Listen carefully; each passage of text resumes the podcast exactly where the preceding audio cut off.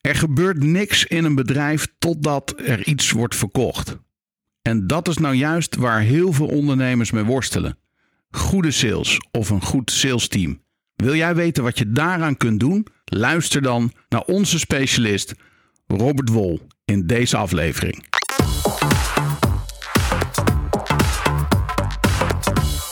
Nou, Roland, welkom in de Storybrand podcast. Daar zijn we weer. Yes, dankjewel Daan. Jij ook uh, welkom. En uh, jij was super blij van de week, Daan, zag ik. Want ja. je hebt je boek gelanceerd. Ja, heerlijk toch? Ja. Storybrand is eindelijk uit. We zitten nu iedere keer te kijken of die uh, al verder zakt in de positie op managementboek.nl. Stijgt. stijgt, ja, dat bedoel ik, ja. ja. Ja, ik zie, ik zie zoveel mooie reacties op dat boek. jij hebt natuurlijk de Nederlandse vertaling verzorgd. Misschien uh, kort eventjes uh, daarbij stilstaan uh, voordat we gaan, gaan starten. Ja, dat boek is natuurlijk deze week uitgekomen in het Nederlands. En het is, iemand vroeg, stelde mij gisteren nog de vraag via, via WhatsApp. Ehm, is het nou een Nederlandse vertaling of een Nederlandse bewerking? Maar eigenlijk is het allebei. Ja. Het boek is volledig aangepast naar de Nederlandse en Belgische markt. En, en het is een boek van nog geen 200 pagina's. Je hebt het zo uit. Het leest heerlijk weg.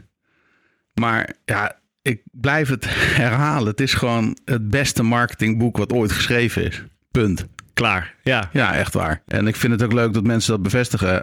Ad van der Hulst, een goede vriend van ons, die uh, schreef op LinkedIn deze week... Ik heb allemaal andere marketingboeken weggegooid. Dit is hem. En hij meent dat. Hè? Dat is een Rotterdammer. Dus die, uh, die gaat het niet voor, uh, voor Jan Doedel op, op LinkedIn zetten. Nee, maar we staan inmiddels op uh, positie uh, 33 in de top 100 van Managementboek. En ik zag dat we ook in de top 5 in de categorie marketingboeken staan op nummer 4. Dus uh, op naar nummer 1. Ja. En ik wil ook even, Roeland, misschien even van de gelegenheid gebruik maken. Waarom willen we nou zo graag op nummer 1? Op het moment dat je daar staat, dan krijg je aandacht. En we willen gewoon dat die boodschap eruit gaat.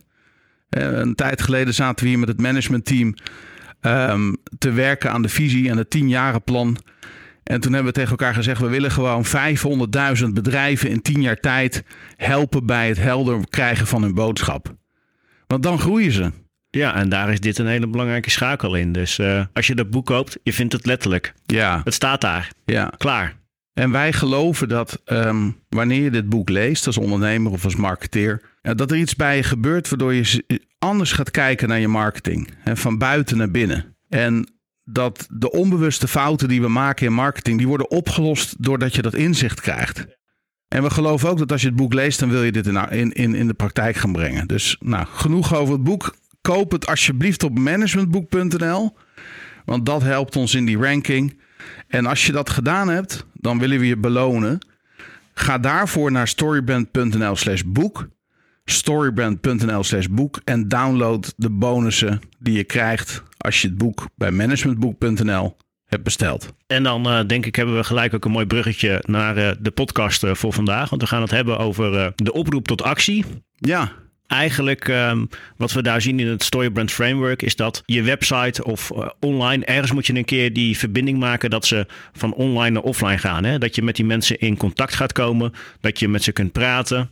En ja, dat, je ze eigenlijk gewoon iets kan verkopen, dat je ze kan helpen. En daar gaan we het vandaag over hebben. Absoluut. Ja, kijk, Robert Wol is natuurlijk uh, door de wol geverfd.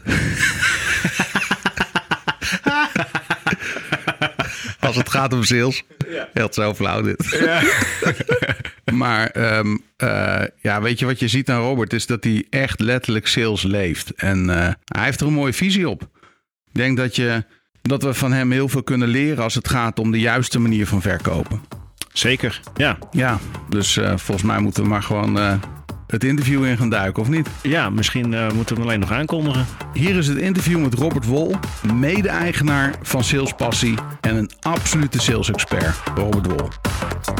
Nou Robert, daar staan we dan. Hartelijk welkom in de podcaststudio van Storybrand. Yes, dankjewel. Wat een eer om hier te mogen zijn. Ja, een eer om jou te hebben. Ik heb er echt naar uitgekeken, want sales heeft mijn hart. Ja, en jou ook. Zeker. Dus volgens mij gaan we een heel leuk gesprek hebben. Ik, uh, ik kijk ernaar uit. Ik heb er ook heel veel zin in. Want uh, sales uh, en marketing is altijd mooi om over te praten. Ja, fantastisch. Nou, wij kennen elkaar, dat heb ik net uitgelegd aan de luisteraar. Maar waar ik het met jou over wil hebben. En laten we eens beginnen bij het begin. Welke reis heb jij afgelegd om te komen waar je nu staat? Dat begon in Tilburg voor mijn studie bijbaan nodig, jaren geleden. Ik denk zo'n uh, jaartje twaalf geleden. Ik denk commerciële economische opleiding. En ja, toen kwam ik uiteindelijk in de uh, goede doelenwereld terecht. Om daar uiteindelijk donateurschap voor te slijten aan de deur en op straat. En ook kranten te verkopen enzovoort. En ik dacht eerst van, ja, dat is toch helemaal niks voor mij. Het is toch verschrikkelijk om te doen. Maar ik dacht wel van ik wil niet in de horeca staan, ik wil niet in de supermarkt staan. En ik dacht van het heeft een toevoegde waarde op mijn studie. Dus dan ben je dat maar gaan doen.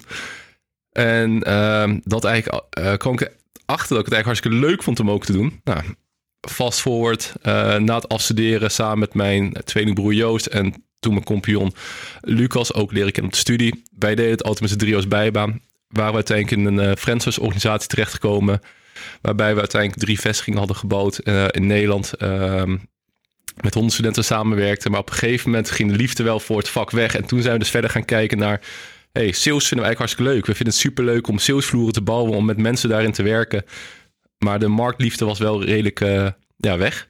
En uh, toen zijn we dus gaan kijken naar andere mogelijkheden. En zo zijn we eigenlijk met internet marketing... Uh, ja, eigenlijk is het op ons pad gekomen. Want we dachten van ja, als wij nou als verkopers minder uh, hoeven te prospecten, meer kunnen, tijd kunnen zetten aan het voeren van salesgesprekken. Ja, dat is een win voor een verkoper natuurlijk.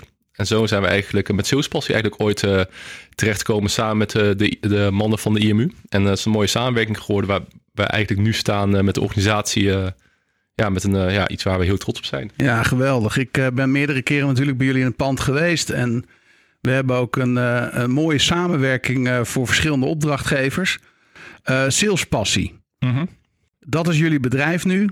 Um, hoofdkantoor in Tilburg. Inmiddels ook een kantoor in Utrecht. Klopt. Wat doen jullie precies? Kun jullie nemen even mee en, en de luisteraar. Um, want sales is zo breed, maar jullie hebben best een hele specifieke aanpak. Klopt, klopt. Um, ja, hoofdkantoortje zijn in Tilburg. We hebben een vestiging in Utrecht. Nou, we hebben eigenlijk uh, vier pilaren binnen salespassie, waarbij er eentje heel erg dominant aanwezig is. En dat is de uh, salesopvolging, de leadopvolging voor uh, het MKB, voor de grotere partijen die gewoon een ongekend aantal aan warme leads hebben, maar zelf niet de capaciteit hebben om al die leads op te volgen. Nou, dat doen we op dit moment met een team van 45 verkopers door Tilburg en Utrecht overspreid. En ja, daar werken we voor super gave klanten voor samen om daar op no op basis de ja, hele lead-opvolging voor ze te handen te nemen. Dus vanuit na een webinar, uh, mensen die een boek hebben gekocht, mensen die een seminar of een event hebben bijgewoond, maar eigenlijk helemaal niks doen aan die opvolging. Dus daar we eigenlijk vandaag op. Um, andere pilaar die we hebben is um, vooral de uh, startende ondernemers echt helpen met de trainingen en begeleidingstrajecten hoe kan je nou eigenlijk een heel goed salesproces in jouw organisatie bouwen? Want wat je heel vaak ziet, startende ondernemers hebben een uitdaging om uh, ja, eigenlijk klanten te werven buiten om hun netwerk. Uh, en alles gaat maar via mond-to-mond reclame. Maar op een gegeven moment heb je die vijver ook en je netwerk ook maar uitgespeeld en uitgevist. Ja, precies. Ja, en dan is de vraag, hoe ga je natuurlijk dan uh, ja, Nederland eigenlijk bereiken? Nou, daar speelt eigenlijk die traject altijd op in. Een derde en een vierde pilaar zit vooral in, nog in de bouw. Ehm, en dat is een uh, sales CRM, waarbij we wat we binnenkort op de markt gaan brengen, Salesflow. Want ja, wij werken, wij, ja, die hard zijn we natuurlijk alleen maar met uh, CRM bezig. En dat, ja, dat, daar zitten zoveel ontwikkelkosten in. En we zien gewoon wat, wat je met een CRM kan. En we zien ook wat alle mensen met een CRM doen.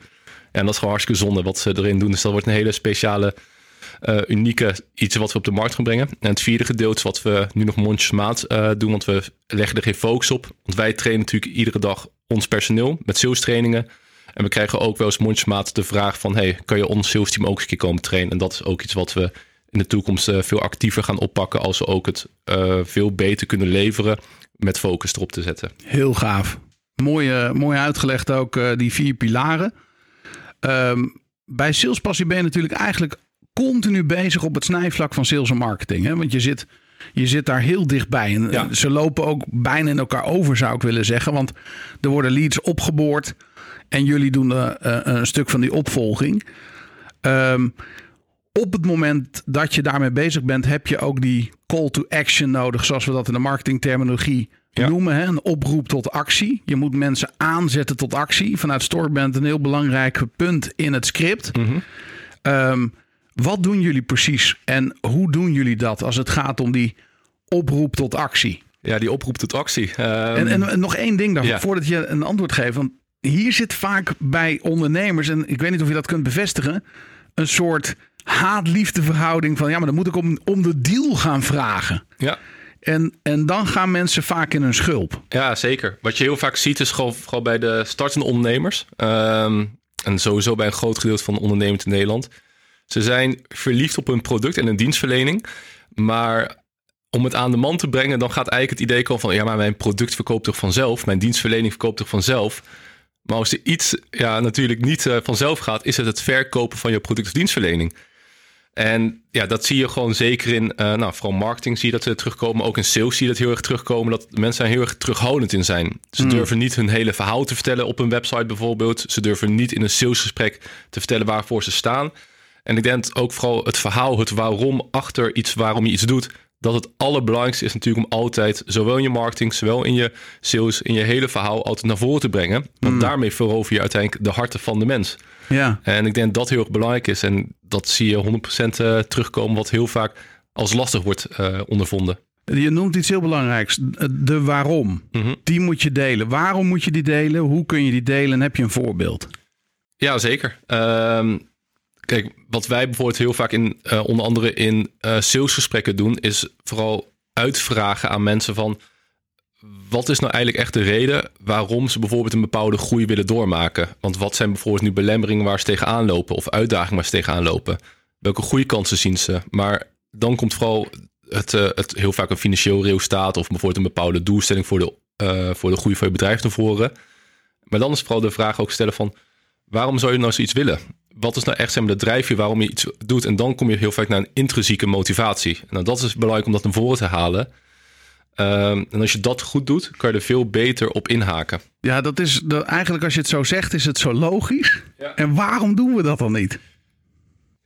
Ja, ja ik denk dat een, eh, ook, eh, het is ook hoe meer je zeg maar, jezelf laat zien, des te kwetsbaarder je gaat opstellen. En dat vinden mensen, denk ik, sowieso eh, moeilijk en Ja. lastig om te doen. Ja, je kan afgewezen worden. Zeker, zeker. En eh, ook natuurlijk eh, het stukje kennis van, heb je het wel, het stukje kennis om dat te kunnen doen? Ja. Ehm, als je namelijk naar de brein, het brein gaat kijken, je hebt het limbisch en het neocortex gedeelte. Het neocortex speelt heel erg in op feiten, rationele punten. En dat wordt heel vaak als mens gebruikt om eh, dingen te verantwoorden. Van is het ja of is het nee? En maakt bijvoorbeeld in, de wordt in sales en marketing, maakt het bijvoorbeeld deze investering, is dat logisch om te maken? Nou, dat is een ja of een nee. En daar spelen heel vaak ondernemers wel, en ook gewoon sowieso bedrijven wel op in. Maar dat limbische gedeelte van het gevoel wat je wil overbrengen, dat mist heel vaak. En ik denk als je daar veel meer eh, jezelf laat zien als bedrijf, wat is nou echt je waarom, en eh, ook daarop in gaat spelen, ja, dan ga je uiteindelijk winnen. Ja, mooi. In storyband termen noemen we dat het externe en het interne probleem. Mensen hebben een extern probleem, bijvoorbeeld, ehm, ehm, nou, eh, ze hebben een nieuwe auto nodig. Dat is het externe probleem, is Ja. vervoer. Mhm. Maar het interne probleem is hoe ze zich voelen over dat externe probleem. En, en dat hoor ik hier een beetje terug in die, in die neocortex en in het limbische systeem van het brein. Dat die neocortex die met feiten bezig is, die gaat het hebben over die externe punten. Die gaat het afvinken van klopt het allemaal. Ja. En dat interne probleem, en ik kijk even naar jou of dat klopt. Dat interne probleem, dat zit veel meer op hoe ik me voel, op emotie. En dat zit in je limbisch systeem eigenlijk in het brein, waar ook antwoorden moeten komen. Ja, ze- 100%. 100% mee eens. Het is ook vooral kijken van, wij noemen het ook wel, ehm, wat is eigenlijk de dominante koopreden van bijvoorbeeld eh, jouw ideale klant? En dat is heel vaak niet een rationeel antwoord, dat is een limbisch antwoord, dat is een emotie. En die wil je gaan zoeken. Eh, en dus ja, ik denk met auto's, dat, met een autoverkoop bijvoorbeeld precies heel goed van, ja, mensen willen uiteindelijk van A naar B. Dat kan met iedere auto. Maar waarom willen ze een bepaalde auto? Wat is de associatie waarin ze zich eh, zien en wat soort merk dat is? Ja, ik word hier zo enthousiast. Ik wou net een slok water nemen. Ik geef mezelf niet eens de tijd ervoor. Als je nu eh, dat hebt over dat limbische systeem. Hè, en als je zegt van joh, maar daar moeten ook antwoorden komen. Dat mist vaak, dat ontbreekt vaak. Wat zou jij, eh, stel je even voor, de, er zit nu een ondernemer te luisteren en die wil meer resultaat uit zijn sales of uit haar sales halen. Mhm. Die wil zo meteen, die zit nu in die auto, die luistert naar die podcast, rijdt naar kantoor en denkt: potverdikke, dat ga ik nu zo meteen tegen mijn sales manager zeggen. Ja. Wat kun je doen? Echt letterlijk doen in een salesgesprek. Of misschien zelfs in online marketing. Maar laten we met een salesgesprek beginnen. Mhm. Om dat limbisch systeem, om die primaire behoefte, die, die, die eerste reden waarom iemand wil kopen. Wat kan je doen om dat aan te spreken?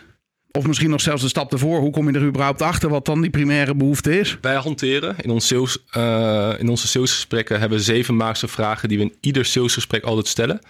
Ehm, en dat, het, het komt natuurlijk altijd neer op het doorvragen. Um, maar ook vooral kijken hoe een persoon erop reageert. En dan ga je vanzelf zien van waar zeg maar, uh, gaat iemand verder op inhaken en waar gaat iemand niet op inhaken. En door de juiste vraag te stellen kan je gewoon steeds meer, zeg maar, je ziet het kant als een ui zien, steeds meer tot de kern echt van de ui komen. En ja, hoe meer je daar naartoe gaat, des te meer je het ook gaat prikkelen. Dus, en dat is gewoon echt de juiste vragen stellen. Opletten, kijken, zeg maar, wat zijn iemand zijn bepaalde behoeftes en dan echt goed inspelen op het waarom. Een opdracht die wij bijvoorbeeld heel vaak met onze uh, verkopers doen, is um, in je salesgesprek eens een keer uh, testen om voor je gevoel eens een keer een extra ongemakkelijke vraag te stellen. Dus nog een keer extra die waarom vraag. En het doel ervan is namelijk dat je dan voor jezelf eens een keer gaat merken van hey, die hele ongemakkelijke vraag, wat je denkt dat ongemakkelijk is, dat valt eigenlijk hartstikke mee. Maar je gaat in één keer dan de meest waardevolle informatie boven tafel krijgen. En dat is waar je uiteindelijk op wil inspelen. Je ziet dat bijvoorbeeld ook altijd. Um, als je dat gaat vragen aan bijvoorbeeld je, nou, je leads en je prospects en je begint maar met praten en je stelt een paar vragen. Het beste antwoord is nooit op die eerste waarom vraag. Het beste antwoord komt heel vaak pas en het echte antwoord naar die vier of vijftig keer doorvragen. En ik denk als dat veel beter wordt uh, opgepakt door verkopers, maar ook sowieso in online marketing, door meer daartoe te kunnen schrijven in dat geval en of spreken, dan ga je veel met limbische brein ook uh, aantasten. Wauw. Oh, ik word hier zo enthousiast van, want dit, dit gaat dus eigenlijk ook over intrinsiek of echte oprechte interesse hebben in mensen. Mm -hmm. Wat vind jij van de uitspraak sales begint bij nee? Um, kijk, echt verkopen, ja. Want um, ze zeggen natuurlijk, je moet bezwaren allemaal weer leggen. En het echte closen van deals, kijk, dat begint bij een eerste afbuiging. Um, maar er, is zoveel meer dan alleen maar dat pushen. Want vroeger was het altijd maar pushen, pushen en pushen en zenden. Maar tegenwoordig is het allemaal aan het veranderen. Het is veel meer van wie is de persoon, wat zijn zijn behoeftes. En wat wij eigenlijk altijd zeggen van het echte verkopen begint bij nee. En wat we daarmee bedoelen is het juiste vragen stellen, je demonstratie doen, met je voorstel komen. Dat is allemaal heel goed te doen. Maar wat marketing of eigenlijk een, gewoon een goed persoon en een closer van elkaar echt onderscheid maakt, is hoe ga je om met die, die nee? Is het een nee of is het eigenlijk een onzekerheid? En heel vaak ga je zien dat het geen harde nee is, maar het is een onzekerheid in de vorm van hoe gaat dit voor me werken? Of wat zijn de resultaten die ik eruit kunnen halen? Of ik heb nog een paar vraagtekens over bijvoorbeeld de implementatie van zus of zo, of noem het maar allemaal op. En een goede closer, wat we zeggen, is niet iemand die dan zeg maar erop drukt, maar een goede closer is omdat die onzekerheid te vinden. En dan te kijken hoe kan je die onzekerheid uh, daar zekerheid van maken. Door dus de juiste vraag te stellen. En door dus op de juiste manier rationeel en emotioneel, uh, emotioneel te overtuigen. Dus dat noemen we ook wel door uh, het te kunnen verantwoorden. En dus door iemand te kunnen overtuigen op basis van emotie. Je noemde net um, zeven magische vragen. Kun je een voorbeeld van zo'n vraag geven die je kunt gebruiken in je salesgesprekken? Ja, zeker. Um, wij hebben altijd, uh, wij, wij passen heel erg, uh, zitten heel erg op gap selling. Dus iemand heeft een bepaalde situatie, iemand wil naar een bepaald resultaat toe. En ik vind het heel van belang om uh, te weten wat iemand al allemaal heeft geprobeerd om van A naar B te komen. Want er zit eigenlijk een, een, een, andere reden achter waarom ik die vraag altijd stel. Want ik vraag altijd van, hey, wat heb je allemaal al geprobeerd om van A naar B te komen? En het doel eigenlijk van die vraag is, want het antwoord en wat ik eigenlijk wil horen, is dat iemand zich uh, gaat zeggen: Ik heb als dit, dit, dit en dit allemaal geprobeerd. Nou, dan komt van mij de vervolgvraag: Oké, wat was het resultaat? Nou, ik weet heel eerlijk gezegd dat het resultaat niet goed is, want iemand zit nog steeds in een bepaalde situatie. Maar waarom stel ik nou die vraag? Die vraag stel ik om de persoon te laten realiseren. Wacht eens even. Ik heb al zelf heel veel dingen geprobeerd. Maar het is me nog steeds niet gelukt om het op te kunnen lossen. Mhm. En door dat te doen, gaat de persoon bij zichzelf nadenken van... Oh, wacht eens even, misschien heb ik wel hulp nodig. Ja, en dat is natuurlijk de essentie van sales. Mensen kunnen helpen en dat ze ook openstaan om geholpen te worden. En voordat je iets kan verkopen, moeten mensen eerst openstaan om geholpen te willen worden. Dankjewel, heel waardevol dit. Ehm, als mensen, want je, waar heb je die zeven vragen staan? Is dat een download bij jullie of gebruik je dat in de Academy of in je online training die mensen kunnen kopen? In eh, feite geven wij altijd al onze kennis gratis weg. Dus die vind je 100% ook op onze website. Dus als je naar salespassie.nl gaat, uh, ja, dan kan je een eh, gratis rapportje downloaden. Verdubbel je sales. Uh, daar ga je zeker de v- vragen in terugvinden. Ja, ik, ik kan me voorstellen, de meeste ondernemers zijn altijd heel eager. Ja. Dus op het moment dat jij dat twee keer noemt in de podcast, dan zit er nu zo'n story loop die geopend is. Ja, En die heb ik net even geclosed door die vraag te stellen. heel netjes. Heel Dan goed. kunnen mensen weer rustig luisteren. Ja, wat raden jullie klanten aan om eh, te gebruiken om van marketing leads een sales lead te maken? Want daar zit natuurlijk een verschil in. Misschien kun je dat verschil even duiden voor de luisteraar. En dan aangeven hoe jullie die brug bouwen. Ja, heel goed. Ehm, ik denk sowieso heel erg van belang is dat... eh, wat wij ook heel vaak tevoor, eh, naar voren krijgen van bijvoorbeeld potentiële opdrachtgevers die bij ons een aanvraag doen. Ehm, zij denken heel vaak niet in marketing en sales. Zij denken gewoon het is marketing of het is sales. Nou, in onze wereld, de combinatie daarvan is goud. We hebben bijvoorbeeld heel vaak ook aanvragen dat mensen gewoon zeggen van... ja, benalen deze mensen, gaan lekker sales doen. Maar dat doen wij dus niet, want dat, daar geloven wij niet meer in. Wij geloven juist in kennisopbouw, want het kan met marketing... en daarop gaan accelereren. En als je dan dieper gaat kijken, ja, dan komt natuurlijk het marketingverhaal en het salesverhaal. Waar ligt die brug? Waar ligt uiteindelijk zeg maar ook tot waar gaat het? En hoe moet je dat dan gaan aanpakken? Nou, wat bijvoorbeeld je gaat zien bij marketing bijvoorbeeld. Marketing zou zeggen, eh, als ze bijvoorbeeld zoveel mogelijk bereik willen krijgen, de drempel zo laag mogelijk maken. Dus bijvoorbeeld ze maken een download voor een naam en een mailadres. Of ze willen een bepaalde call to action doen uiteindelijk in een later proces. En dan gaat de drempel ook omhoog. Want ze willen bijvoorbeeld iemand kwalificeren om in gesprek met iemand bijvoorbeeld te gaan. Of bijvoorbeeld eh, een hele lange sales page schrijven om een bepaalde investering om te maken of een bepaalde dienstverlening. En dan worden heel vaak best veel vragen gesteld. Marketing zou zeggen namelijk, ik wil zoveel mogelijk informatie weten, want dan kan ik terugkoppelen aan de, ehm, aan, in mijn, in mijn eh, gesprekken, in mijn verhaal. Maar bij sales hebben wij heel vaak het idee van, dat is ook de filosofie die ik heb erin. Eh, wij als sales willen heel vaak gewoon maar die hartslag hebben. We willen gewoon iemand hebben die de juiste doelgroep is en een hartslag heeft. Want wij zijn ervan overtuigd met sales, door een goed verhaal te kunnen vertellen en door met iemand in gesprek te gaan, kan je helemaal inzoomen op de bepaalde behoeftes. En ja, dat is eigenlijk altijd een heel eh, ook een heel leuk gesprek altijd. Van wat ga je nou uiteindelijk bijvoorbeeld in die call to action bijvoorbeeld vragen? Wij zijn best wel van mening van maak dat lekker eh, laagdrempelig altijd. Want als jij bijvoorbeeld een goed salesarsenaal erachter hebt zitten. Nou, wij doen het bijvoorbeeld met allemaal verkopers. Wij willen gewoon zoveel mogelijk leads eh, binnenhalen. En zodat we die kunnen opvolgen. Voor ons is dus de kwaliteit van zo'n lead iets minder van belang. Tuurlijk, gekwalificeerde leads zijn geweldig. Echt de warmste broodjes. Maar wij zien gewoon ook uit al onze data dat de minder gekwalificeerde leads, als je daar gewoon een heel goed gesprek mee aangaat, dan hou je daar echt gewoon super goede resultaten uit. En ik denk dat dat altijd heel belangrijk is, ook voor de ondernemer om over na te denken. Wat is nou eigenlijk mijn opvolgstrategie? Is dat zeg maar dat ik zelf die gesprekken doe? Is dat bijvoorbeeld als ze in een webinar zet? Of is dat ze via een salespage moeten closen? Wat is het idee erachter? Heb je een heel groot verkoopteam erachter?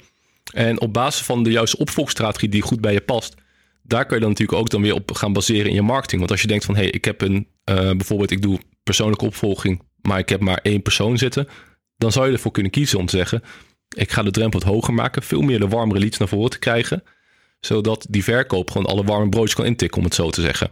Wij noemen dat bij wijze van spreken niet eens verkopen. Dat noemen wij gewoon meer van je hebt een sportmedewerker die gewoon toevallig uh, ja, ook de order in, uh, voor elkaar kan krijgen. maar als je meer verkoopteam erachter hebt zitten, dus je hebt meer eigenlijk zeg manuren die erin kunnen investeren, dan zouden wij zeggen, maak die drempel zo laag mogelijk. En zorg ervoor dat je zoveel mogelijk namen, mailadres, telefoonnummers krijgt van een geïnteresseerde doelgroep. Want dan kunnen, dan kunnen zeg maar, sales veel meer hun werk doen. En ik ben gewend om in het verleden via deur-en-deur verkoop, via straatverkoop, bij mensen allemaal aan te bellen die nooit interesse hadden. Dus voor mij was dat altijd een verademing door gewoon mensen te kunnen bellen met hey, je hebt bij ons iets aangevraagd. Of hey, je hebt bij ons een, uh, een training gekocht. Of hey, je hebt bij ons een brochure gedownload. Nou, dat, dat is... Dat Totaal had ander verhaal. Ja, ik, ik, dacht echt van toen, dat, toen ik dat spel door had... ik dacht van, er gaat een wereld voor, voor me veranderen. En dat heeft ook alles met sales passie veranderd voor ons. Mm. Omdat we daarop zijn inspelen. En dat vind ik altijd heel mooi van... wij komen van het meest koude vorm van verkoop... En voor ons zijn die meest ongekwalificeerde leads, om het zo te zeggen, van marketing te zeggen, dan ga je toch nabellen. Ja, dan denk ik van, ja, dat is toch een gouden kans. Want dat zijn juist mensen die allemaal interesse hebben. En dan vind ik het ook het mooi dat ondernemers bijvoorbeeld altijd zeggen van, ja, maar het is gewoon koude acquisitie. Dan denk ik van, nee, nee, nee. nee. Koude acquisitie is lekker eh, samen met mij een deurtje gaan aanbellen bijvoorbeeld. Precies, ja. Ja, ja je volgt iets op. Hè? Dat is eigenlijk wat je doet. Je bent bezig met mensen die al in jouw funnel zitten. Ja. Om die verder te brengen in die funnel. Want misschien is hun probleem wel groter dan het boek wat ze hebben gekocht. Hè? Ja. Of groter dan de online training die ze net hebben aangeschaft. Zeker, zeker. En ik denk dat het ook heel belangrijk is om te kijken, wordt stel je, je gaat naar, naar funneltermen uh, praten. Dus je gaat mensen zeg maar allemaal in je salesproces krijgen. Ze downloaden allemaal dingen. Kijk, er zijn ook heel veel mensen die wel iets downloaden, maar dat zijn helemaal niet zulke lezers. Dat zijn mensen die niet, niet altijd hun mail willen kijken. Nee. En marketing denkt dan, oh, die is niet geïnteresseerd. Maar het kan nog gewoon een persoon zijn die veel meer geïnteresseerd is om daar met iemand over te willen praten. En dat is een hele leuke, een heel leuk gesprek altijd met marketing te voeren. En wij zien ook letterlijk uit alle data van um, bij bepaalde opdrachtgevers is gewoon 80% van alle deals die wij uh, binnenhalen, komt uit een stukje outbound. Dus mensen die eigenlijk zijn afgeschreven door de, door de, ja, ik in dat geval onze opdrachtgever, die denken van ja, maar is toch niet, uh, niet interessant. Want alleen maar die mensen die een aanvraag doen, dat zijn toch echt gemotiveerde. Dat klopt ook, want dat zijn hele makkelijke deals om te maken. Maar die scoor je toch wel. Ja, ja zeker. Dat, dat kan iedereen. Ja. Maar waar je het op wint, en dat is ook echt ons onderscheidend vermogen van salespassie, juist op dat stukje outbound, daar maken we het verschil voor iedereen. En dat is ook wat je gewoon ziet van als je dat goed gaat uh, implementeren in je business, dan kan je gewoon niet meer verliezen. Want als jij gewoon altijd een uh, luisterend oor kan bieden, altijd met mensen persoonlijk kan praten, dan, dan ga je het altijd winnen. Ja, ja. Heel, heel, heel, dit is, zijn zulke waarde uh, bommetjes die je hier dropt. Um, ik zie ook aan alles wat jij doet en hoe je dit uh, allemaal vertelt, dat het uit je tenen komt. Hè? Er zit zoveel ervaring achter. En um, we hebben natuurlijk regelmatig wel eens brainstorms over ja. onze gezamenlijke klanten, waar we zeggen van hey, hoe kunnen we vanuit de marketing iets doen, zodat de sales het nog makkelijker kan closen. Ja. En wat ik daar altijd heel spectaculair aan vind, is dat daar soms ook gewoon nieuwe producten worden geboren. We hadden er laatst nog eentje. We zaten hier een aantal uur met elkaar en opeens bam, kwam er een heel nieuw product uit. Ja, ja dat was heel gaaf. Dat was heel gaaf inderdaad. En dat is misschien ook een interessant iets, want het was best wel een duur traject, om het zo te zeggen, ja. waar je heel veel voor de ondernemer eigenlijk allemaal uit handen neemt. Ja. En dat was dan ook weer het interessante uh, stuk van, oké, okay, maar wat moet dan de kwalificatie van de lead gaan worden? Ja. Ja, we zaten is, daar ja. helemaal andersom eigenlijk, hè? Ja, ja zeker. En het was zo waardevol wat we gingen bieden. Eigenlijk een offer you can't refuse. Ja, 100%. En uh, je bent gek als je het niet neemt. Ja. De terugverdientijd was super kort. Ja.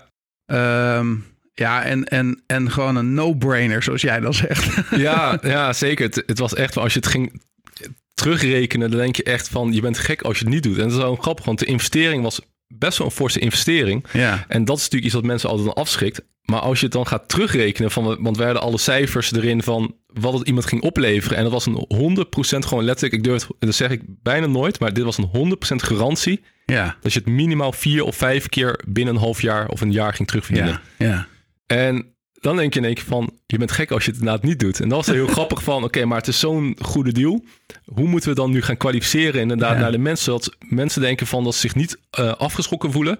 Maar dat, ze, dat je wel de juiste mensen hebt die hierop gaan reageren. Want je hebt wel een bepaald type persoon ja. hiervoor nodig. Ja. ja, om die garantie te kunnen bieden moeten ze aan bepaalde eisen voldoen. En dat is een hele andere manier van verkopen. Dan wordt je verhaal ook heel anders in. Uh, Ja. Veel integerder vind ik. Ja, Want je bent gewoon puur aan het vertellen van luister, dit is het doel wat we willen bereiken. Wil je daarin meedoen? Ja. Heb jij ook dat doel? Join the gang. en dat, is inderdaad het, het mooie wat je zegt van je vertelt je verhaal, je vertelt eigenlijk de visie van Ja. waar staan wij voor, waar geloven wij in, wat is nou de reden waarom we dit hebben uitgerold. En daarna ga je gewoon het, eh, eigenlijk vertellen van dit is jouw win. En dan komt ook in één keer het gesprek over van wat gaan we samen met mijn klant, dus die je dan spreekt, wat gaan we samen met elkaar opbouwen? Want waar staan we voor? Geloof jij er ook in? Ja, daar geloof Ja. ik ook in. Nou, let's go. Ja. En dat, dat is mooi om te zien inderdaad. Dus dat gaat denk ik echt een, ja, ik denk dat het echt een knaller gaat worden. Ja, ja ik, ik, ik heb begrepen dat er, eh, de, want we hebben het product nu ook net eh, klaar, dat de eerste leads al binnen zijn. ja. Dus dat, uh, ga, dat gaat hem zeker worden. Um, wat valt je op bij andere partijen, dus bij ondernemers, hoe het juist wel of niet moet? En heb je daar misschien ook uh, een voorbeeld of zelfs meerdere voorbeelden van?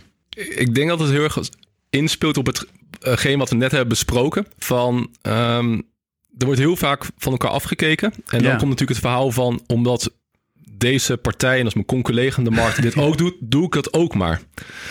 Alleen die mensen, die ondernemers, die bedrijven realiseren zich vaak niet dat zij misschien een hele andere opvolgstrategie, een hele andere pricing en een product- en dienstverlening hebben dan die collega, want die zitten misschien op een iets andere soort dienstverlening. Ja. Nou, dat zie ik eigenlijk heel veel voorbij komen. Mensen kopiëren elkaar. En door elkaar te kopiëren.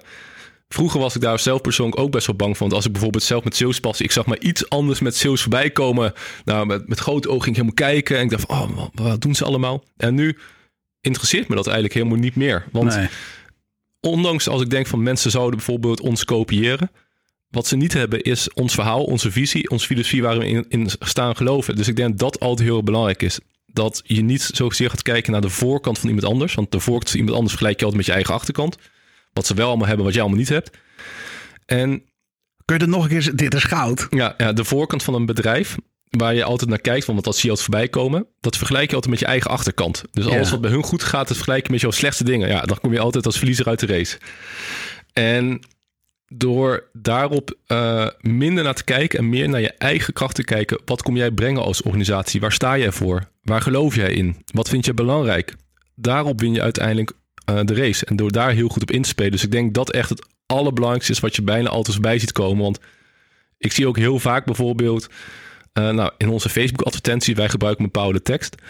En toevallig of niet, altijd ongeveer een maandje of drie of vier later, zie ik ongeveer mijn tekst staan met anders verwoord, maar ik denk wel van dit is precies dezelfde kern die ik zelf heb gebruikt. En dat zie je ook bij andere bedrijven voorbij komen. Dus dat vind ik altijd heel grappig om te zien van, oh nou, mooi dat werkt. En dan denk ik altijd van, ja, die, die tekst die je, die je nu gebruikt, die werkte bij mij niet. Dus kleine kans dat die ook bij jou gaat werken, maar dat tezijde.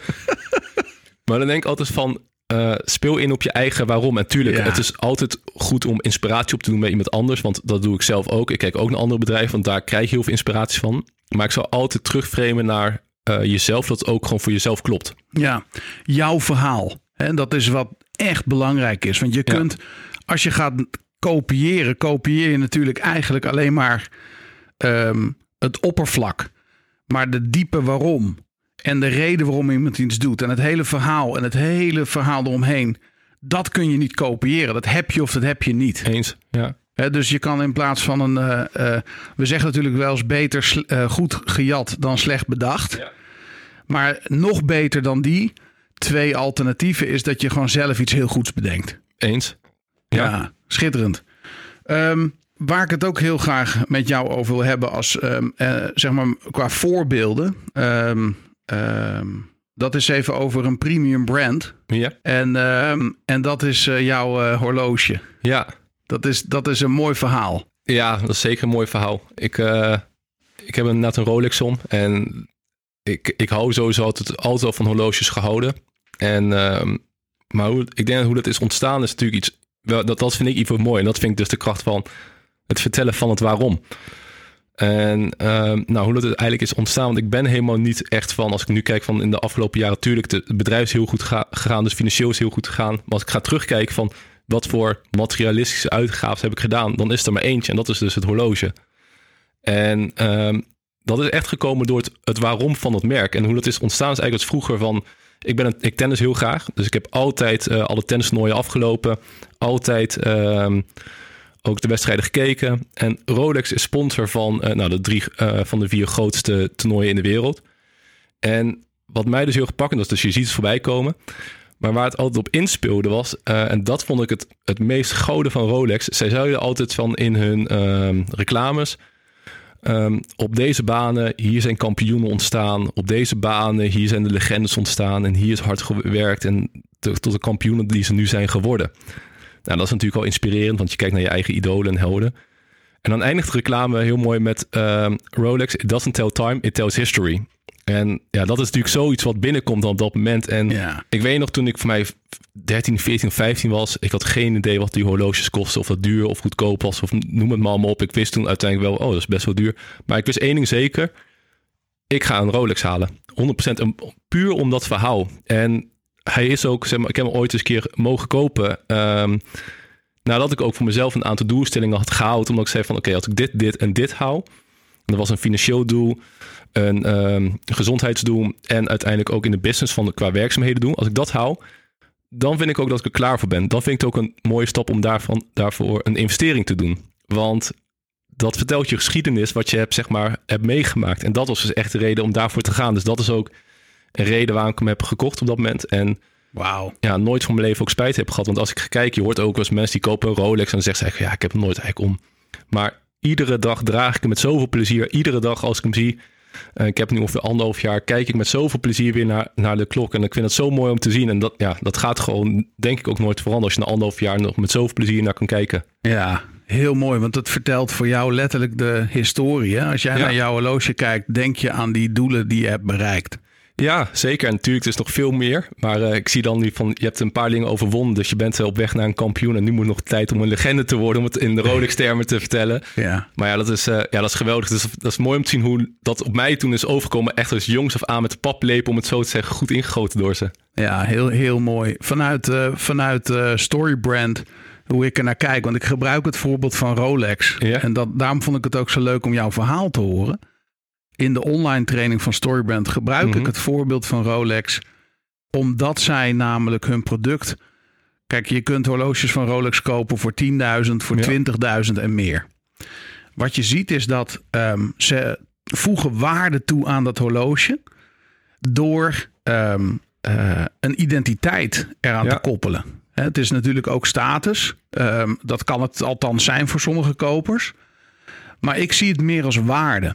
Ja, Want ehm, een van de belangrijkste dingen die we als mens willen is een, een, een, een transformatie van onszelf. En je noemde net letterlijk. Ik had een gezondheidsdoel, Mhm. ik had een business goal. En ik dacht, als ik al die doelen ga halen, dan ben ik er ook klaar voor. ja, Dus dit gaat over transformatie. Je bent getransformeerd. Je bent verder gekomen in je leven. En nu gunde je jezelf dat cadeau. ja, En dat vind ik mooi aan Rolex. Ehm, eh, je, je koopt het ook om, omdat je succes hebt. hè. Eh, ze, ze koppelen hun merk aan een bepaalde identiteit die Ja. mensen graag willen, willen gebruiken. En als je dat kunt doen met je verkoop ook. Hè, want dat, daar doelde je denk ik aan het begin van ons gesprek ook op. Als je in je verkoop meer vragen gaat stellen waarom iemand iets wil. Dan koppel je jouw product en dienst eigenlijk aan dat doel. En dus aan dat intense verlangen wat iemand heeft om een betere versie van zichzelf te worden. ja, 100% mee eens. Het is ook een, natuurlijk een van de beïnvloedingswapens van Cialdini. Eh sowieso bewijskracht, maar het koppelen van jouw merk aan celebrities. En dat, dat werkt zo verschrikkelijk goed. En dan ga je zelf inderdaad kijken, want zij zijn ja, de koning en de koningin van hun sport. Zij zijn de beste van de wereld van. Dus dan, dan, dan ga je vanzelf het statiebol krijgen van Rolex is voor winnaars. Rolex is voor mensen die zeg maar iets hebben overwonnen. Dus ja, 100%. Heerlijk, heerlijk. Nog heel even naar dat salesproces. Ik weet dat jullie ook heel vaak, als mensen in een funnel zitten, Mhm. gebruik je vaak een typeform om nadat ze iets hebben gedaan, ook nog wat vragen te beantwoorden. Ja. Is dat nu meer voor de saleskant of is het, doet het ook iets met de persoon ehm, die die vragen beantwoordt? Ja, dat is een hele goeie. Dat is echt, echt heel erg op het snede, denk ik, goed van marketing en sales. En ja, Typeform vind ik daar een geweldig formulier voor. Het is eigenlijk gewoon een enquête software, daar komt op neer. Ja, En het, het voordeel van de segmentatie is dat je gewoon een bepaalde soort antwoorden, een bepaald soort mailcampagne kan starten. Dus dat is het geniale in marketing ervan. Maar eh, zeker op beide. Kijk, eh, het idee van de marketing is natuurlijk, je gaat vragen stellen. Door te kijken van, hey, wie is de persoon? Dus je kan eigenlijk de, ja, eigenlijk gewoon echt een hele goede selectiefilter maken van wie is warm, wie is koud. Maar de reden dat je een bepaalde vraag stelt, dat is natuurlijk ook heel erg sales georiënteerd. Zodat je kan weten van, oké, wat zijn bijvoorbeeld iemand, wij spelen heel erg in, hoe pakt iemand nu bijvoorbeeld zijn sales aan?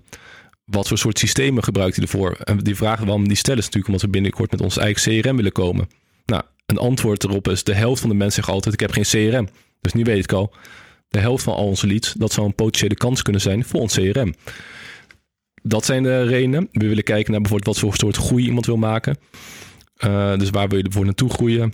En um, dat werkt heel goed voor sales. Want als jij in het belletje ervoor kan zorgen van... Hey, je spreekt bijvoorbeeld met Robert van Salespassie en...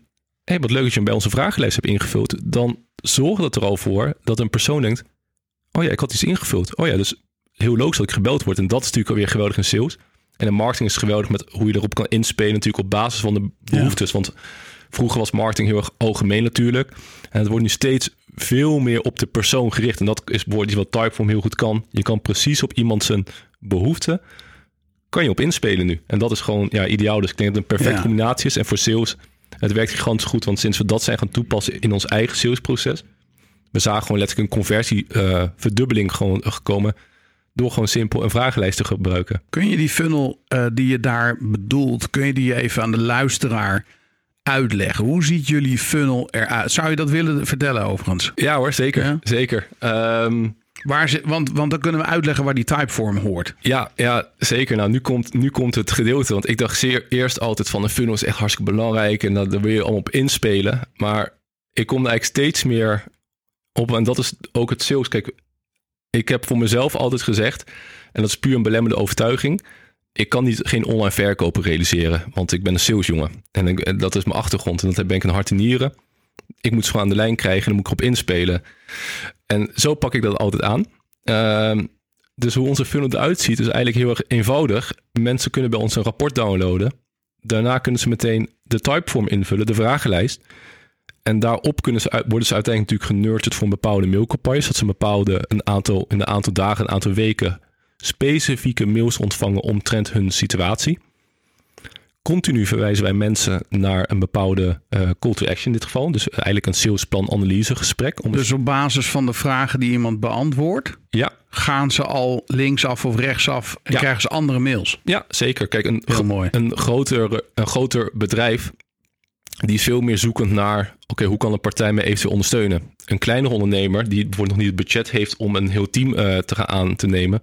die zal veel meer zoekend zijn naar ehm, leren, zelf kunnen doen, Ja. ontwikkelen. Die wil je een ander product aanbieden. Ja, hè? zeker. Ondanks dat ze dat misschien niet altijd willen... is het wel gezien in een situatie de beste keuze om te doen. Ja. Ehm, dus dat, nou, een perfect voorbeeld is natuurlijk van we stellen bijvoorbeeld een vraag: hoeveel verkopers heb je in dienst? Want als je weet ze hebben verkopers in dienst, dan zou bijvoorbeeld de dienstverlening voor ons om sales training aan te bieden heel interessant kunnen zijn. Ja. En, die, en ongeacht of mensen wel of niet de salesplan analyse gesprek daarna aanvragen, wij bellen iedereen na. Iedereen na waarvan we zien van hey, die is hem serieus ingevuld en we zien dat daar een bepaalde potentie in zit. En wat je daardoor creëert, is dat mensen steeds meer moeite in jou hebben gestoken. Jij niet per se in hem, want het gaat allemaal geautomatiseerd. Maar dat je daardoor al zoveel meer van ze weet. En dat daardoor de connectie veel sneller is gelegd. Waardoor mensen jouw belletje ook niet meer als ongewenst ervaren. Wel onverwachts, maar wel gewoon als gewenst. Want ze denken van, oh wacht even, ik heb het inderdaad ingevuld. En dan kan je het gesprek gaan beginnen. Ja. Totaal ander verhaal. Dus Ja. adverteren naar het salesrapport, eh typeform, invullen, geautomatiseerde mailcampagne. En wanneer bel je ze dan? Ehm, Aan het eind van de funnel dat ze al die mails hebben gehad of zo snel mogelijk? We zijn nu aan het testen. Eh, en of het adverteren is, dat maakt natuurlijk niks uit. Het is heel erg handig. Maar of je het van LinkedIn vist of eh, via andere kanalen... of sta je op een beurs bij spreken te kunnen invullen... maakt allemaal niks uit. Ehm wanneer bel je ze op? We zijn nu aan het testen om ze direct binnen een half uur op te bellen. En eh, we zijn ook, hebben ook getest, dat zo deed vroeger... om ze eerst die hele nurture-campagne te laten doorlopen. En het grappige is eigenlijk dat we zien dat... die conversie op meteen opbellen best wel goed eigenlijk is. Dus je denkt van de herkenning is heel hoog... En eigenlijk zijn mensen dan heel snel geneigd om een afspraak te willen plannen. Dus dat gaat eigenlijk hartstikke goed. De conversie op afspraken inplannen is veel hoger als je meteen belt. Ondanks dat ze nog eigenlijk niks van je hebben gezien. Want die typeform vullen ze in voordat ze het rapport hebben gelezen. Dus eigenlijk hebben ze nog niks van ons gelezen. Maar als je dan een half uur al inbelt, belt, nou de kans is aanwezig dat ze iets hebben gekeken, maar niet zo heel groot. Nee.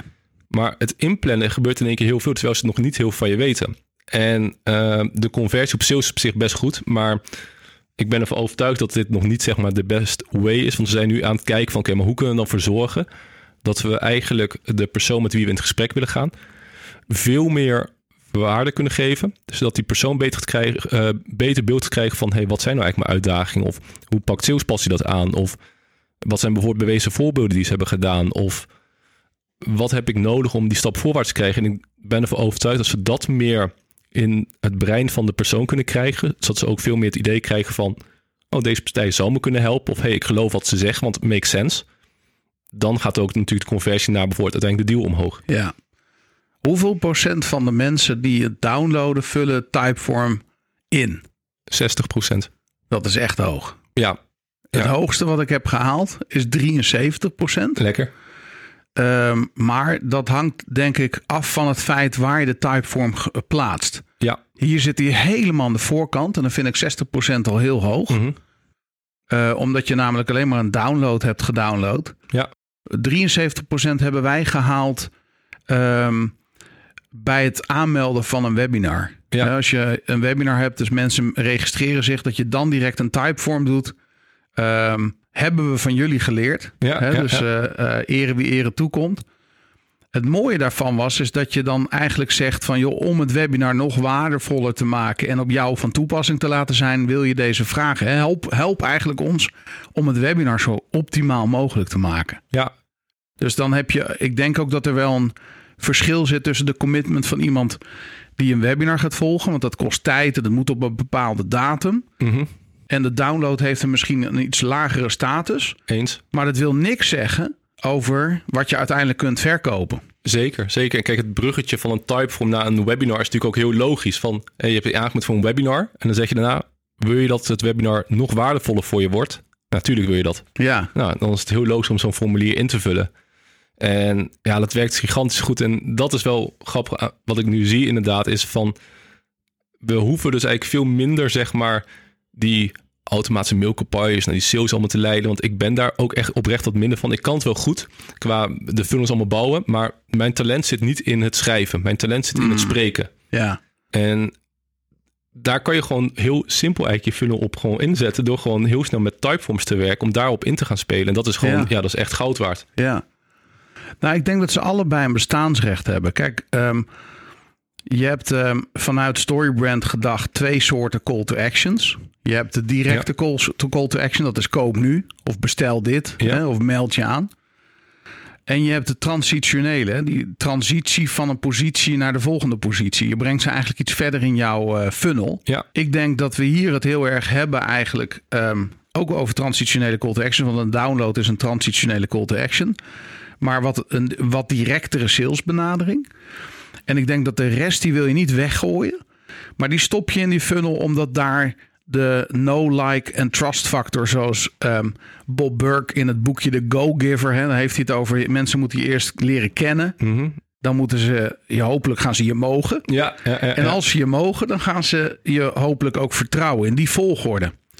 Dus dat is meer de relatiesnelheid. Hè? Want relaties gaan langzaam. Hè? Vertrouwen komt te voet, gaat te paard, zeggen we niet voor niets in ons spreekwoord. Dus ik zie die lange termijn eh, funnel meer als, als mensen echt nog niet klaar zijn om te kopen. ja, ja. Om wat voor reden dan ook. Het mooiste voorbeeld dat ik ooit heb gehad was een partij waar we een funnel hadden gebouwd. Mhm. Er werd een download gedaan. En het was van een heel groot bouwbedrijf. ja, ja. En ze hadden echt zoiets wow, die gaan we bellen. Maar ze kregen ze helemaal niet te pakken. Nee. Negen maanden later ehm, werd er ehm, eh, gebeld door dit bouwbedrijf. Ze zei van, joh, ik was met zwangerschapsverlof Mhm. toen ik dat downloadde. En jullie hebben mij keurig altijd opgevolgd. Dus ik bleef die mailtjes één keer in de 14 dagen in een business-to-business omgeving, één keer in de 14 dagen prima. Mhm. En daarom bel ik jullie nu. Zouden jullie mij willen helpen met? Nice, ja. Ja, dat vond ik zo'n mooi voorbeeld ook van die lange termijn. Ja, 100%. Wij, wij zien het zelf ook in ons eigen salesproces voorbij komen. Dat ook al zijn mensen bijvoorbeeld eh, gepitcht, om het zo te zeggen. Ze hebben er niet voor gekozen om een samenwerking te starten. Ondanks dat ze bij ons wordt dan in de mailcampagnes zitten, die we dan uit blijven sturen. Ze Ja. komen op een gegeven moment later weer terug. En dat is gewoon ook mooi om te zien. En dat is ook misschien een heel goed iets om te begrijpen als ondernemer. Het is nooit te laat om iemand die nog niet met je wilde samenwerken, om die eens keer opnieuw te polsen of die wel er open voor staat. Want iemand heeft een bepaalde uitdaging, iemand heeft een bepaald probleem. Iemand gaat nog niet met je samenwerken. Het is niet zo dat zijn probleem in één keer is opgelost. En dus dat is ook heel goed om dan bijvoorbeeld met mailcampagnes te werken, om toch zeg maar in de nood te blijven. Ja. Toch dat mensen denken van, hey, wacht eens even, salespassie bestaat in dit geval, even naar ons toe, maar sowieso in het bedrijf. Hé, hey, het bedrijf bestaat nog. Hé, hey, mijn probleem is nog niet opgelost. Misschien moet ik toch maar eens een keer even weer met ze bellen. Ja. Nou, je kent Storybrand. Ehm, eh, jullie eh, zien natuurlijk ook eh, hoe wij dat toepassen in, in de marketing van klanten. Ja. Wat spreekt jou aan in Storybrand? Of wat heb je gebruikt of gezien dat je zegt van nou, dat is echt in lijn met mijn visie? Wat ik heel sterk vind, is ehm, het verhaal vertellen. Je klant, je klant zeg maar de, ook deels soort van de held van het verhaal maakt. Want je doet voor je klanten die naar voren brengen. En een, de persoonlijkheid in het verhaal vertellen. Dus echt gewoon ook in Jip en Janneke taal moet je het kunnen uitleggen. Want je kan natuurlijk wel vertellen, wij, wij lossen dit op en we geven je meer sales bijvoorbeeld. Maar je, doet, je, bent, je bent het eigenlijk een business voor je klanten. Ja. Die zou je veel meer naar voren willen brengen. Daar zou je zeg maar veel meer van willen laten zien. En dat vind ik sowieso ook heel sterk van Storybrand. En dat is ook iets waar, wat het begin, wat, wat wij zelf nooit deden. Wij dachten altijd van ja, referentie jongens, ah, leuk en aardig. En dat geef ik wel eens een keer door. Maar je weet niet wat het voor je doet als je dat allemaal naar voren brengt. En daar heel goed op inspet op je marketing. Dus dat vind ik heel sterk. Dat klinkt zo logisch, maar dat is het misschien ook. Maar niemand doet het. Want kijk maar iedere website af. Nou, je krijgt misschien een paar ja, minimale eh, referenties te zien.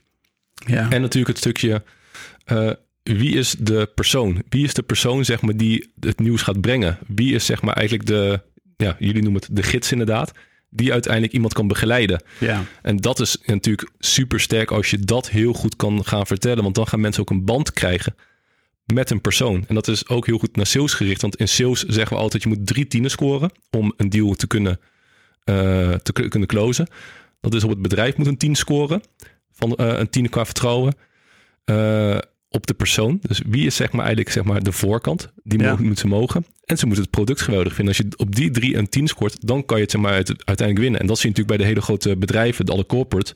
Daar is heel vaak niet echt een persoon nee. wat naar voren komt. Ik denk dat daar wordt ook heel veel win in kan liggen. Om juist zeg maar die persoonlijke klik waar mensen steeds meer behoefte naar gaan krijgen. Om dat meer naar voren te kunnen brengen. Ja, heel mooi gezegd. Dankjewel. Ja, ik, ik, eh, als laatste vraag stel ik altijd de vraag: welk boek ben jij nu aan het lezen? Geen. Ik, uh, ik, ben, uh, ik, ik lees zo nu en dan, meestal op vakanties. Dus als ik meestal op vakantie ga, dan ga ik in één keer bol.com en managementboeken.nl allemaal af van... oké, wat ga ik maar eens een keer weer lezen tijdens deze vakantie? Op dit moment niks, maar wat lees ik eigenlijk heel vaak. Ook sowieso qua kijken. altijd business video's. Eigenlijk bijna niks meer met sales. niet qua inhoudelijke gesprekken voeren, maar wel qua de nieuwe manieren om, het, om meer leads te kunnen werven of om betere opvolging te doen bijvoorbeeld. Um, en heb je daar een, uh, een tip voor de luisteraar? Dat je zegt van ja, die video of uh, dat kanaal op YouTube of waar dan ook. Uh, waar, waar kan iemand naartoe gaan met iets waarvan je zegt van dat heeft mij geïnspireerd? Mijn echte basis, waardoor ik het echt zeg maar goed heb gelezen, zijn twee boeken. En dat zijn niet eens zozeer salesboeken, meer marketing en hoe het brein werkt. Dat is nou, logisch Cialdini. Ja. Die met zijn, met zijn beïnvloedingswapens, dat zijn nu zeven geworden dan ga je inderdaad echt leren hoe het brein werkt. En um, sowieso ook uh, The Golden Circle Starts with Why van Simon Sinek. Dat vind ik een legendarisch boek. En uh, dat is natuurlijk het hele verhalen vertellen. En dat, toen, wij, toen ik dat ben gaan toepassen in mijn, uh, sowieso mijn sales bij het begin en toen uiteindelijk de marketing, dan ga je echt zien van, hey, je inspireert mensen ook echt. Je ziet ja. dat mensen zeg maar in één keer zich onderdeel willen voelen daarvan. Dus dat is 100% goed. Wauw. Als je echt zeg maar wil leren van hoe werkt het brein en hoe kan je het, zeg maar, je boodschap goed kunnen laten overbrengen door goed te kunnen communiceren. Ja. Goud. Robert, dankjewel voor je komst. Dit was echt een heerlijk gesprek. Ik heb er in ieder geval van genoten. Kijk, en dat ik, is, uh, fijn, ik, weet, ik weet bijna zeker dat de luisteraar hier heel blij mee is. Ik vond het ook super gaaf uh, om te doen. Ook een leuk gesprek. Dus uh, dankjewel voor de uitnodiging. Dankjewel. Nou, uh, Daan, dat was eventjes een half uur of drie kwartier salesles volgens mij. Ja, dat was. Uh, dat was toch genieten, of niet? Ja, dat is, ja echt. Wat een, wat een waarde zit erin. En zoveel ervaring. Hij gaf aan dat hij 12 jaar ervaring heeft in, uh, in de sales. Ja, dat, dat hoor je overal in terug. Ja. Wat mij zo aanspreekt in, uh, in, in het verhaal is dat het menselijke verkoop is. Hè? Ja. Hij is helemaal niet van de pusherige verkoop. Het gaat echt om waarde toevoegen aan mensenlevens. En dat is precies hoe wij er ook in staan in sales. De, de, hij noemde dat ook de oude manieren de, de, en, en de koude acquisitie. Dat, ja. dat kent iedereen wel. En daar hebben de meeste mensen denk ik ook direct een hekel aan. Of daar hebben ze een bepaald beeld bij. En uh, wat hij hier vertelt in Vogelvlucht...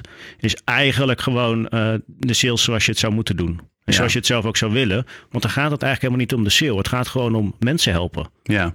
En, en dat daar dan ook een, eh, ehm, een, een bedrag voor wordt gevraagd. Ja, dat is logisch. Want je, Ja. kan, eh, je kan mensen niet gratis helpen. Dat heeft Nee. geen zin. Nee, bovendien zit er ook nog een eh, geestelijk aspect aan. Ehm, en dat klinkt misschien een beetje gek als ik dat zo zeg. Maar geld is natuurlijk ehm, meer dan alleen geld. Het is een ruilmiddel. En ehm, we zijn dat misschien wel eens een beetje kwijtgeraakt. Maar vroeger als je natuurlijk iets kocht, dan ruilde je dingen. En had Ja. ik, ik had wol en jij had misschien melk. Ja, En dan kreeg ik van jou melk en dan kreeg je van mij wol. Dus ehm, je gaf niet iets weg, je ruilde iets. precies. En dat is echt cruciaal in geld. En dit is denk ik ook waarom heel veel ondernemers in, in, in de diepste essentie problemen hebben met, ehm, met verkoop. Dus dat ze gewoon absoluut niet begrijpen hoe geld echt werkt. En wat ik daarmee bedoel, en dat, dat ehm, bedoel ik niet veroordelen, maar eh, ehm, als je een ongezonde relatie met, met, hebt met geld als ondernemer, dan kun je niet verkopen. Ik, ik, ik zal nooit vergeten dat wij in Arnhem een hele groep coaches hadden. Oh ja, ja, ja. En ja. toen ehm, hebben we, toen, ik voelde weerstand in de zaal. Ja. En we zouden het gaan hebben over verkoop. ja. En het was bijna een soort beladen sfeer. En ik kan dan niet functioneren, want ik ben hypergevoelig. Dus ik, ben, ik ben stil gaan staan letterlijk in die zaal. Ik heb een stilte laten vallen. En ik heb gezegd, jongens, waar zit je weerstand? ja. Pak een pen en papier en schrijf op de, de drie grootste weerstanden die je nu ervaart. En toen hebben we het gevraagd aan ze. Toen zeiden ze, ja, dat zit op geld. Het zit gewoon op geld. ja. Hoe kun je in hemelsnaam verkopen als je eigenlijk geld vies vindt?